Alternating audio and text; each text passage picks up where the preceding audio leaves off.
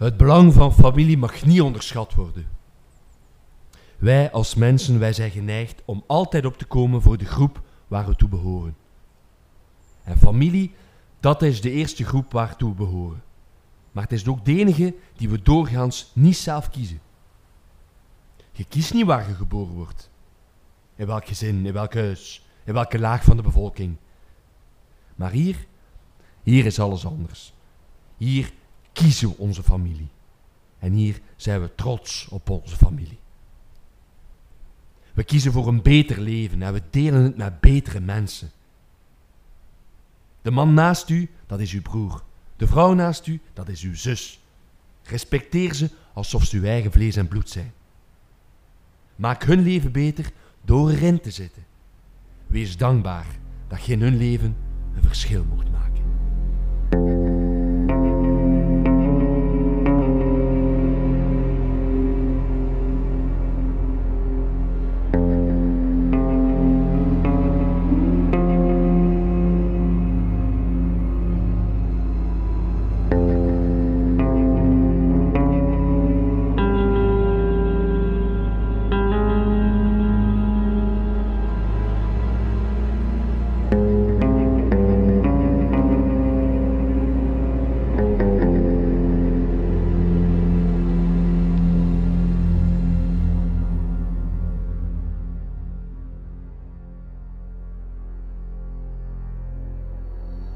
Het oord beleefde begin 2019 zijn hoogtepunt. Er waren meer dan 50 leden, er was accommodatie voor iedereen en niemand leed honger. De speeches van Hubert werden langer, maar de bewoners leken het niet erg te vinden. Iedereen had zijn taak binnen het bos. Sommigen zorgden voor hout, anderen kookten, anderen verzorgden de natuur en de dieren. Er waren echter maar vier mensen die buiten de hekken gingen: Hubert, Victor, Lisbeth en Jade. De rest bleef binnen. Er stond 24 op 7 iemand op wacht aan de poort. En het was onmogelijk om over het hek te klimmen. De meeste bewoners waren echter zo overtuigd van het succes van het project dat het voor hen niet uitmaakte ze wouden niet terug naar het wonen in een rijhuis, naar het werken voor een bedrijf dat hun niet interesseerde. Ze hadden hun meerwaarde gevonden. Maar terwijl de bewoners openbloeiden, ging het in de gezinshutten minder goed. Op een regenachtige dag in maart kwam voor Jade en Victor het geheim uit dat al zoveel maanden de hut van hun ouders niet had verlaten. 29 maart 2019. Een hersentumor. 29 maart 2019. Mama heeft mij jaren daarnet bij haar geroepen. Ze wou praten. Ze heeft verteld dat ze al maanden hoofdpijn heeft en dat ze bij de dokter gegaan is. Die heeft gezegd dat er een gezwel in haar hersenen zit. Het is kwaadaardig. Het is niet gelijk bij mij, toen ze druk op mijn hersenen moesten aflaten. Bij haar is er geen druk, gewoon een tumor. Ze zegt dat er maar één ding kan: bestralen. Als dat niet pakt, zijn er niet veel opties meer. Maar pa wil niet dat ze bestraald wordt. Ik heb zo horen praten daarnet en hij vindt het hypocriet dat zijn vrouw vol radioactiviteit gepompt wordt en, en dan hier blijft wonen. Ik begrijp het niet.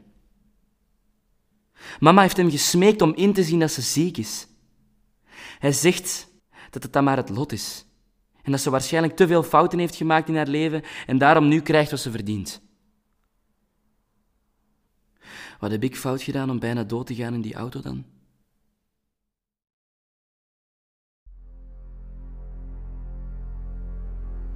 Het was een zware klap voor het gezin.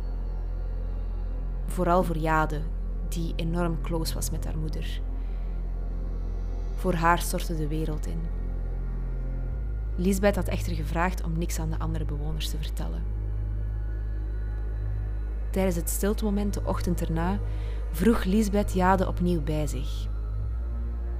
Deze keer barstte ze in tranen uit en smeekte ze of Jade kon proberen om pijnstillers te regelen. Hubert liet haar niet meer weggaan uit angst dat ze zou proberen vluchten. Jade beloofde haar te helpen en ging naar haar broer met de vraag of zij de boodschappen kon doen. Victor zei dat er die dag niks gehaald moest worden. Niks dat ze zei kon hem overtuigen. Dus besloot ze om een risico te nemen.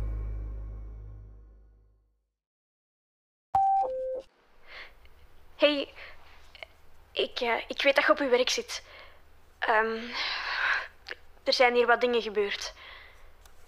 Je weet dat ik het niet zal vragen als het geen noodgeval was, hè? Maar kun jij pijnstillers gaan halen en die aan het hek komen leggen? De sterkste die er zijn, liefst. Ik zal er geld leggen om u terug te betalen. Mama voelt daar niet goed. En ik raak vandaag niet buiten. Ik zal ze vannacht dan oppikken. Sorry dat ik nog niet geantwoord heb. Laat jij mij weten hoe dat groepswerk gegaan is?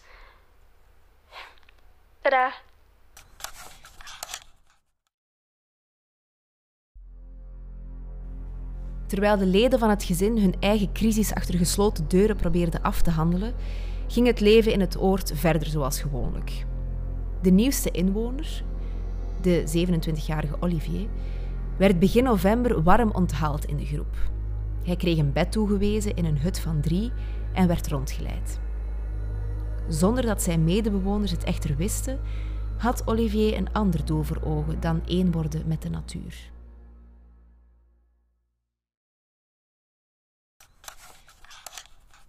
Olivier van Dammen hier. Het is 29 maart 2019. Het is nu 9 uur 38.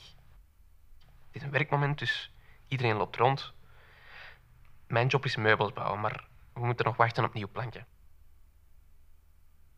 Ik heb met een paar bewoners contact gezocht, maar daar heeft nog niemand gehapt. De vertrouwensband is het probleem niet. Ik denk dat er gewoon weinig mensen willen praten over Hubert uit angst voor de gevolgen. De vorige keer dat er iemand tegen de regels is ingegaan, is hij buiten geschot blijkbaar. Sinds iedereen dat gezien heeft, is de sfeer omgeslagen. Mensen zijn veel voorzichtiger. Ik heb daarnet tijdens het ontbijt gevraagd aan iemand of hij weg wou. En hij keek mij aan alsof ik zot was.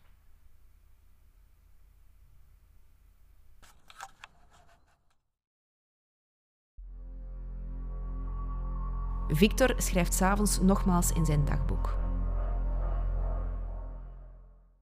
29 maart 2019. Ik weet waarom Jade gesmeekt heeft om naar buiten te gaan. Ik weet dat mama haar gevraagd heeft om hulp. Maar pa heeft gezegd dat hij niet wilt dat ik Jade of mama help. Ik weet niet meer wat ik moet doen. Pa heeft alles gedaan voor mij en, en ik ben echt gelukkig hier.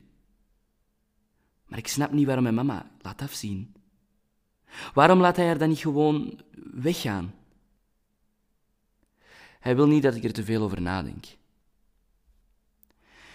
Ik heb andere dingen aan mijn hoofd. Mijn handen liggen open. Papa zegt dat ik goed bezig ben. Hij heeft mij daarnet een pijnstiller gegeven en hij zegt dat hij trots is op mij. Het voelt goed om te doen. Ik voel mij schuldig, want het, zou niet zo goed mogen voelen. Misschien denk ik er te veel over na.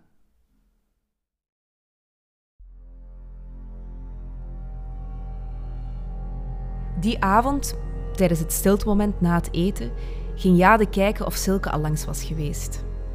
De twee hadden een plekje ver weg van de poort en van de hutten. Niemand kwam er regelmatig en het was hun vast afspreekpunt, de paar keren dat Silke naar het bos was gekomen om Jade te zien. Ze had echter niet door dat ze gevolgd werd.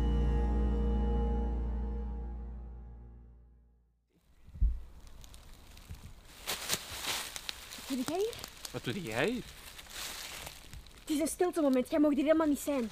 Maar waar gaan het zoeken? Dat zijn uw zaken niet. Als mijn pa hiervan hoort, hè, Ja, wat dan? dan smijt hem u buiten. Is dat wat gaan doen zijn, hè? Proberen buiten gesmeten te worden. Wat? Denk je dat ik het niet zie? Hè? Dat hem enkel maar naar Victor kijkt en dat jij voor hem onzichtbaar bent? Jij praat niet zo over mijn familie. Wat waart jij aan het zoeken? Als je nu terug gaat naar de hut, dan zwijg ik erover. Jij kunt elke dag buiten rijden met die auto en nooit meer terugkomen, maar je doet het niet. Waarom? Hé, wat heb je te verliezen? Je hebt misschien iets meer te winnen buiten, hè? Zoek je deze? Wie zijt jij eigenlijk? Gewoon een nieuwsgierigaard. En jij hebt precies wat veel geheimen, hè? Luister dier, hè. Als ik nu...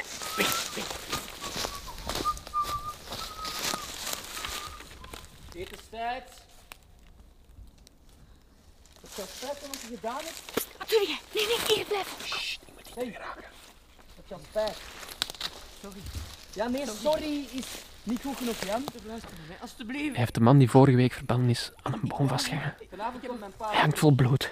Ga maar op je knieën zitten en vraag Nee, dat een tweede kans krijg. Ja, sorry. Ja, ik beloof. Geen, geen enkele Wij brief. bestaan elkaar. Nee, nee, nee, Victor. Victor, kom terug. Victor, Victor, alsjeblieft, kom terug. Victor, alsjeblieft. We moeten die losmaken, hè. Nee, ja, de, rustig. Ga, ga terug naar je hut en doe, doe alsof je niets gezien hebt. Als ik niks gezien... Nee, kunnen we niet maken. Die heeft pijn. We moeten toch iets Ja, doen? dat je kunt hem niet helpen. Als je hem losmaakt, wat gaat het doen? Wat gaat het zeggen tegen je vader? Rustig, Jade.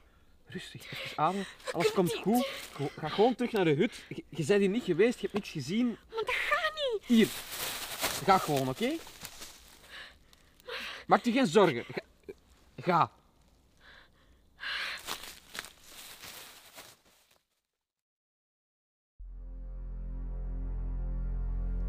Na die confrontatie veranderde alles voor Jade. Ze vreesde voor het welzijn van haar moeder als ze nog lang in het bos zou blijven en begon na te denken over een ontsnapping. Ze zou s'avonds een moment zoeken om met de auto weg te rijden onder het mom van een bezoek aan de bibliotheek. Haar moeder zou haar opwachten aan de auto en wanneer Hubert te weten zou komen, zouden ze al lang weg zijn. Ze had haar moeder nog niet verteld over het idee, maar wachtte op het juiste moment om haar plan uit te voeren. Ondertussen merkte ze echter dat de sfeer binnen het oord veel meer gespannen werd.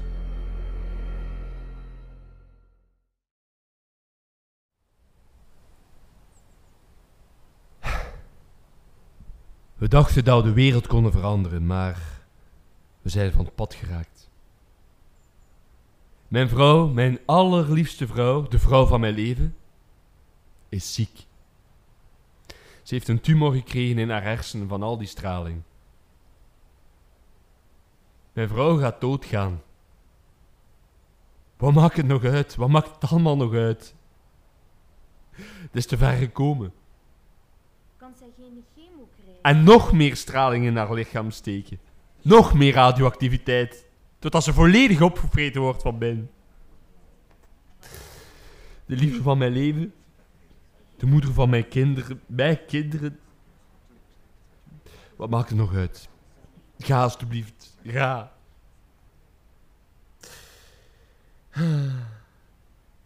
Wat voor goed doet het om, om het te willen? We hebben zo hard ons best gedaan om elkaar meer te gunnen. En het universum zegt dat het niet goed genoeg was. Ga, laat, laat mij en mijn familie gewoon alleen.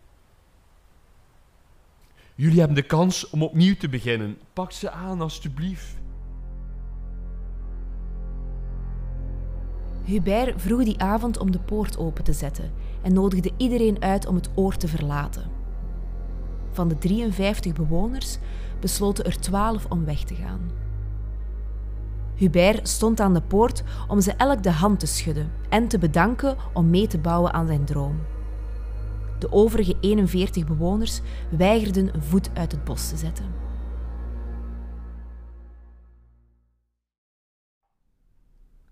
...3 april 2019. Jan is weg. Er lagen enkel nog kettingen aan de boom. Ik hoop dat hij samen met de rest de kans heeft gehad om weg te gaan. Ik wil er niet aan denken dat hij hier ergens onder de grond zou zitten. Pa heeft mama haar ziekte uitgespeeld als een of ander teken van het universum. Het was allemaal een test. De mensen die weg zijn gegaan, die gaan nu aan iedereen verkondigen wat voor een held dat hij was. En de mensen die gebleven zijn, die geloven nog tien keer harder in dat we familie zijn en samenhangen. Die groep mensen, hè, die interesseert pa niks. Zolang ze maar naar hem luisteren als hij aan bullshitten is of op zijn gitaar speelt. Ik kon niet weg. Mama komt daar hut niet meer uit. We hebben ze in haar eigen hut gelegd en doeken voor de ramen gangen, zodat er geen daglicht meer doorkomt. Ik zie aan haar gezicht dat ze niet meer weet wat ze moet doen.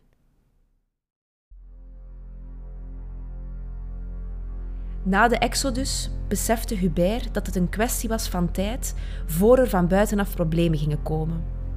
Nu hij geen controle meer had over wat er gezegd werd over het oord, verscherpte de regels. Zonder dat de bewoners het wisten, plaatste hij camera's aan de poort en de hekken, zodat hij ten alle tijde zicht had op wie er binnen en buiten wou geraken.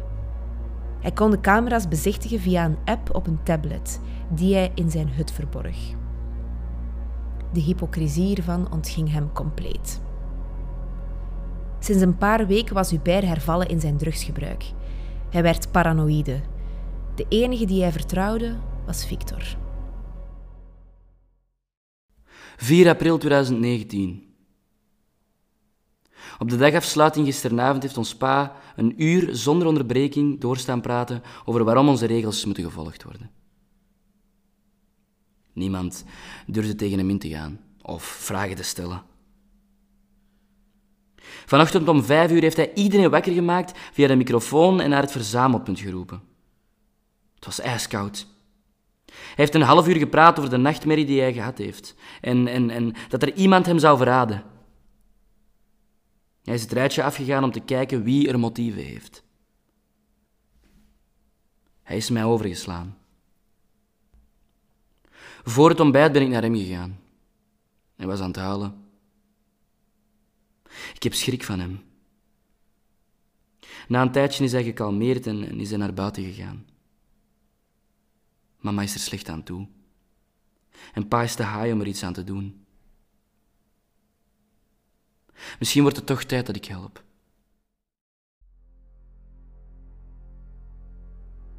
De dag erna werd er niemand vroegtijdig uit zijn bed gehaald. Tijdens de avondstilte bracht hij echter iedereen opnieuw bij elkaar om het woord te nemen.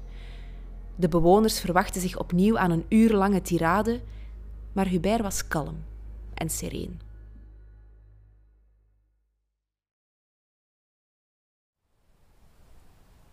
Victor, Jade, kunnen jullie even hier bij mij komen staan? Daarjuist tijdens het werkmoment heb ik een zeer moeilijk afscheid moeten nemen. Eén die ik niet wilde nemen, maar over sommige dingen in het leven is er nu eenmaal geen controle. Wat? Ik ben daarnet in de hut van mijn vrouw geweest. Ik wou maar eten brengen en ik zag haar liggen, creperen van de pijn. En ze kon bijna geen woord meer uitbrengen. Ik, ik was doodsbang. Ik zag haar menselijkheid uit haar ogen lekken met elke traan die eruit viel. En ik dacht, dat is niet juist. Zo zou de liefde van mijn leven haar laatste dagen niet mogen spenderen. Dus daarnet voor het eten heb ik haar in de auto gezet en ik ben met haar naar de spoeddienst van het ziekenhuis gereden. Ik heb alle formulieren ingevuld, alle dokters op de hoogte gebracht. Ik heb vannacht de hele nacht liggen denken.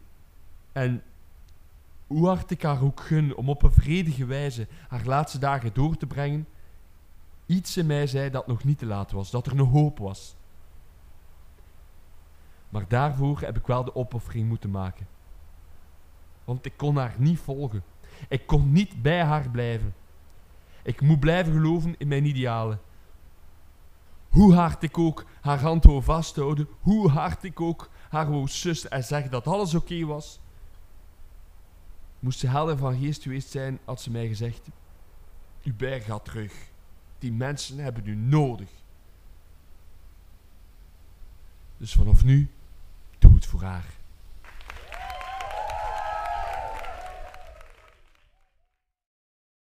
...5 april 2019. Papa heeft mama eindelijk naar een ziekenhuis laten gaan. Ik voel me zo leeg nu. Ik ben blij dat mama hulp krijgt. Dat ze eindelijk deftige pijnstillers gaat krijgen en dat ze niet meer hoeft af te zien.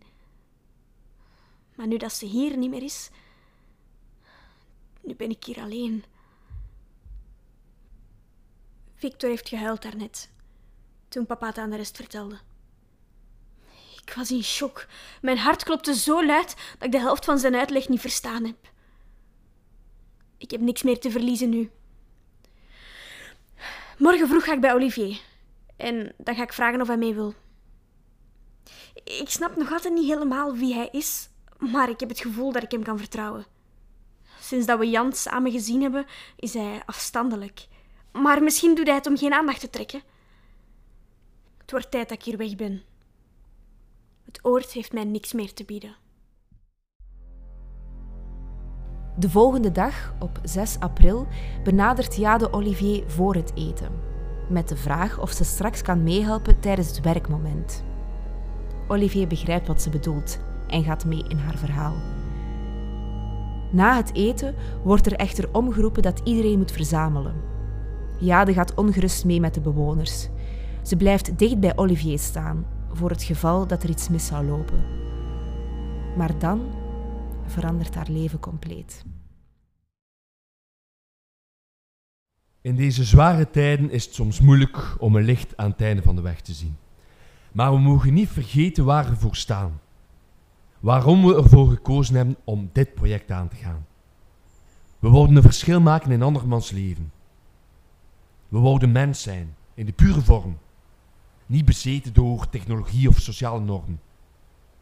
Wij wilden elkaar zien als een gelijke en respecteren en graag zien als broer of zus. En vanochtend stond er iemand aan onze poort die een deel wil uitmaken van onze droom. En die samen met ons wil bouwen aan die toekomst. Dus, we verwelkomen haar met open armen, Silke!